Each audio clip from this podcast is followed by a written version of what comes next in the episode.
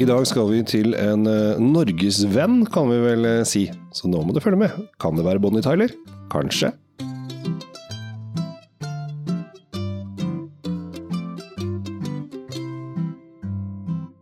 Hei og hjertelig velkommen til dagens episode. Vi gleder oss nå til å høre om Bonnie Tyler og vinen hennes, Tom, gjør vi ikke det? Jo, men jeg tror at uh, du skal slutte å tøyse og bare Selv om norgesvenn er ganske riktig.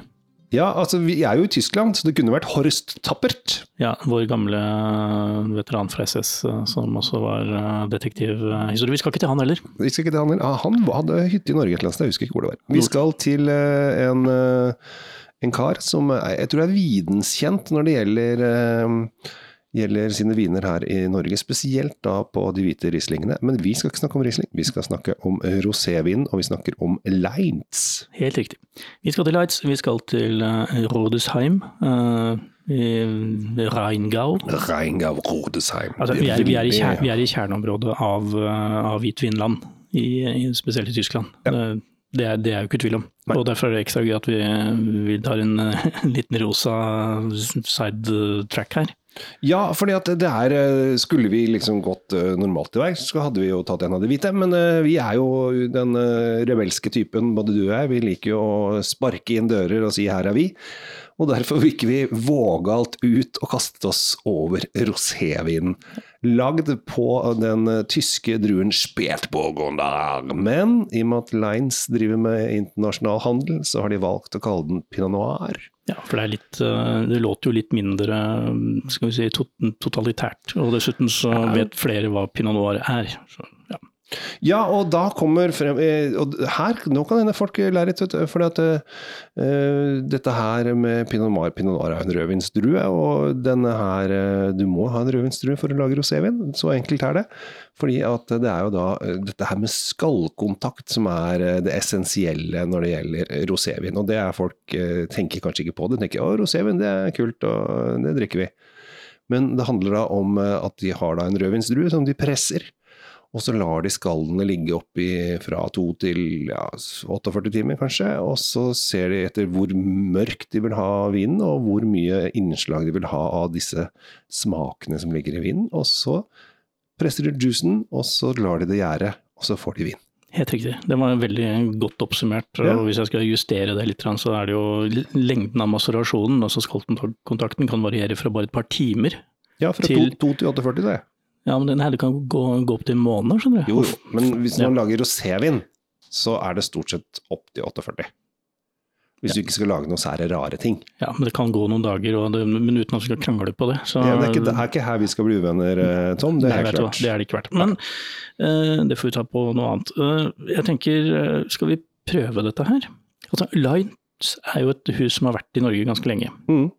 Og jeg tror at Johannes Light, som nå er høvdingen eh, i det huset, han, han har ganske store visjoner for hvordan han skal eh, formidle vinen sin rundt i verden.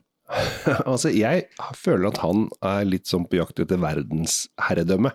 Og grunnen til at jeg sier det, var at eh, da han overtok gården, eller faren hans døde da han var ung, 14 måneder, det er jo han var barn og baby, så overtok han gården, og da var gården på 2,1 hektar. I dag er den på 43. Ja, han må ha litt sånn uh, han livsrom. Ut, han altså, skal lebensram, ja. ja. Uh, alle historikere skjønte den, uh, men hvor jeg åpner Sånn, ja. Så han har helt klart store visjoner, og han vil opp og frem og lage masse vin. Og jeg syns det er veldig kult at det lages rosévin på pinot noir. For jeg syns at pinot noir er en veldig kul drue å lage rosévin på. Så allerede, før vi har luktet og smakt, så er jeg positivt innstilt. Ja, men det er jo bra. Det er et bra utgangspunkt, fordi det, det er ikke noe som er så trist som å ha en vinanmelder som er ganske kjip og negativ. Og de, de fins, men vi liker jo ikke å være sånn, vi. Nei, altså det du og jeg driver på med, Tom, er jo inspirasjon og glede. Eh, altså For andre drive og sutre og grine over vin, det har ikke vi. vi det er altfor mye god vin der ute til at vi skal begynne å, å ta frem alt som er dårlig. Ja. Vi kan heller ta frem alt som er godt. Men eh, jeg har ikke smakt denne her på godt over et år, for det er jo stort sett en gang i året man kaster seg over eh, rosévinene. Så dette her blir eh, Da kan jeg si mens eh, Kjell Gabriel eh, lukter og, og, koser seg med det, så kan jeg si at hvis du er en av de som da har vært lur og sjekka ut åssen vin som gjelder i det programmet her, og kjøpt en flaske med Lights Rosé 2020, så, eh, så kan du følge oss på, på, denne, på denne, lille smaketuren. Og så, mm. Det første vi ser, er at den er jo det står jo også i beskrivelsen den skal være lys rosa, og det er den. det er jo ikke tvil om det. Check, lys rosa. Ja. ja. Den kunne vært lysere òg, det vil si at den er ikke sånn lys, lys, lysrosa. Den har uh, en typisk roséfarge. Hadde, hadde, vi vært i Provence nå, så hadde jeg sagt den uh, heller mot det mørke. Ja, det er akkurat det den gjør. Um, og det første jeg lukter er litt sånn jordbær tutti frutti. Skikkelig uh, Og det syns jeg er det er det jeg syns er så digg med rosévin. For det er vår tidlig sommer med en gang. Vi har dette lette uh, bærtouchet. Både ja, du sier tutti frutti, jeg sier, uh, jeg sier bringebærdrops. Mm.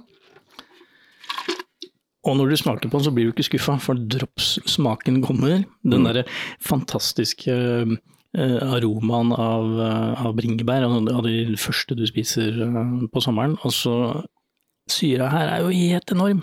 Det er det, for du har den syrefriskheten. Så du, den lukter jo varmere og rundere enn den er i munnen. Den er så frisk og viral og alt mulig rart. Viril, skulle jeg si.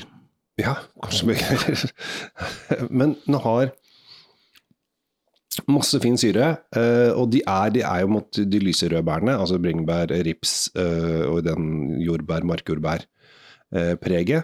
Eh, og den uh, lukten som var liksom tutti frutti, har liksom fått mer blomstersyrlig uh, friskhet i seg enn en det den hadde på, på nesa. Du merker det På nesa er den jo på en måte litt rundere, varmere, og så kommer den i munnen så har den mye mer syre. Den har, eh, den har et litt sånn urtepreg, nesten litt sånn uh, gress. Hvis du går ut til en, en gresseng, og så lukter du liksom det Når du tråkker over disse gresstråene, så får du en sånn egen særegen lukt, og det er litt av den oppi her. Mm. Så jeg, tenker, jeg tenker sånn ikke blomstereng, men bare en ren sånn der gresslette. Så tusler bortover der, så får du disse eimene. Og den, den, er, den, er, oppi her, sammen med da tutti fruttien til Kjell Gabriel og bringebærene mine. Ja, og så er det Altså, når eh, altså det Rosévinslippet pleier å være første uka i mai. Det er liksom, da kommer det 290 varianter, i, eh, kanskje sikkert mer også. Og da liksom pøser man ut på rosévin. Alle drikker rosévin, alle drikker rosévin. Og så slutter det sånn ut i juni en gang. Og da begynner folk å Kanskje ut i juli så er det liksom, trapper de ned rosévinsbruken. Eh, Men dette her er jo i og for seg en helårsvin. Eh, dette er en helårsvin, og det er ikke noe problem å kombinere denne her med enklere retter heller. Eh, skal du ha noe salatslakk eh, av noe slag, eller Jeg, jeg ville jo eh, tenkt på Tenkt å en omelett med de greiene. Omelett? Omelett. Som, vi snakker sommermat, ikke sant. Hvorfor ikke? Altså, lettere retter så er rosévin grovt undervurdert. Fordi, men den klarer å matche de fleste typer fett. Eggerøre tenker jeg mer da. Du kan ha eggerøre. Til og med ja. laks ved siden av eggerøre også, så er du jo ordentlig feinschmecker. Ja, jeg prøver jo å kalle meg feinschmecker, da, selv om jeg ja. kan steke egg. Det greier jeg. Ja.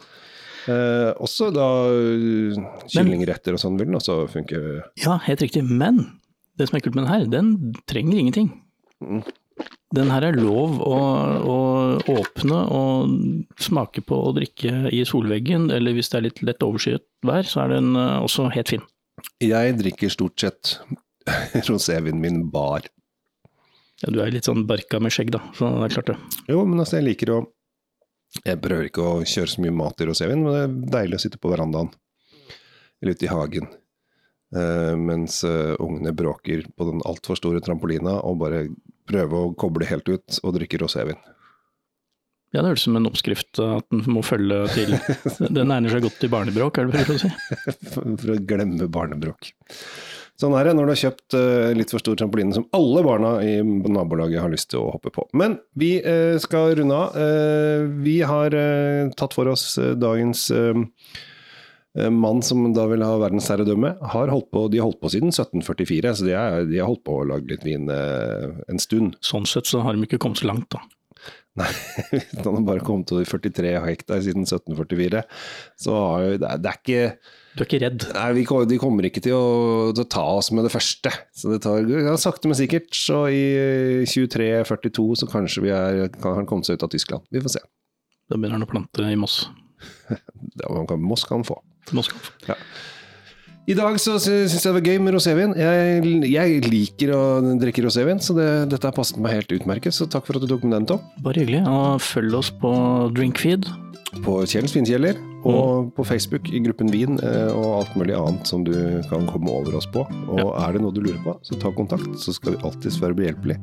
Både med det ene, og ikke minst med det andre. Særlig det andre. Ja.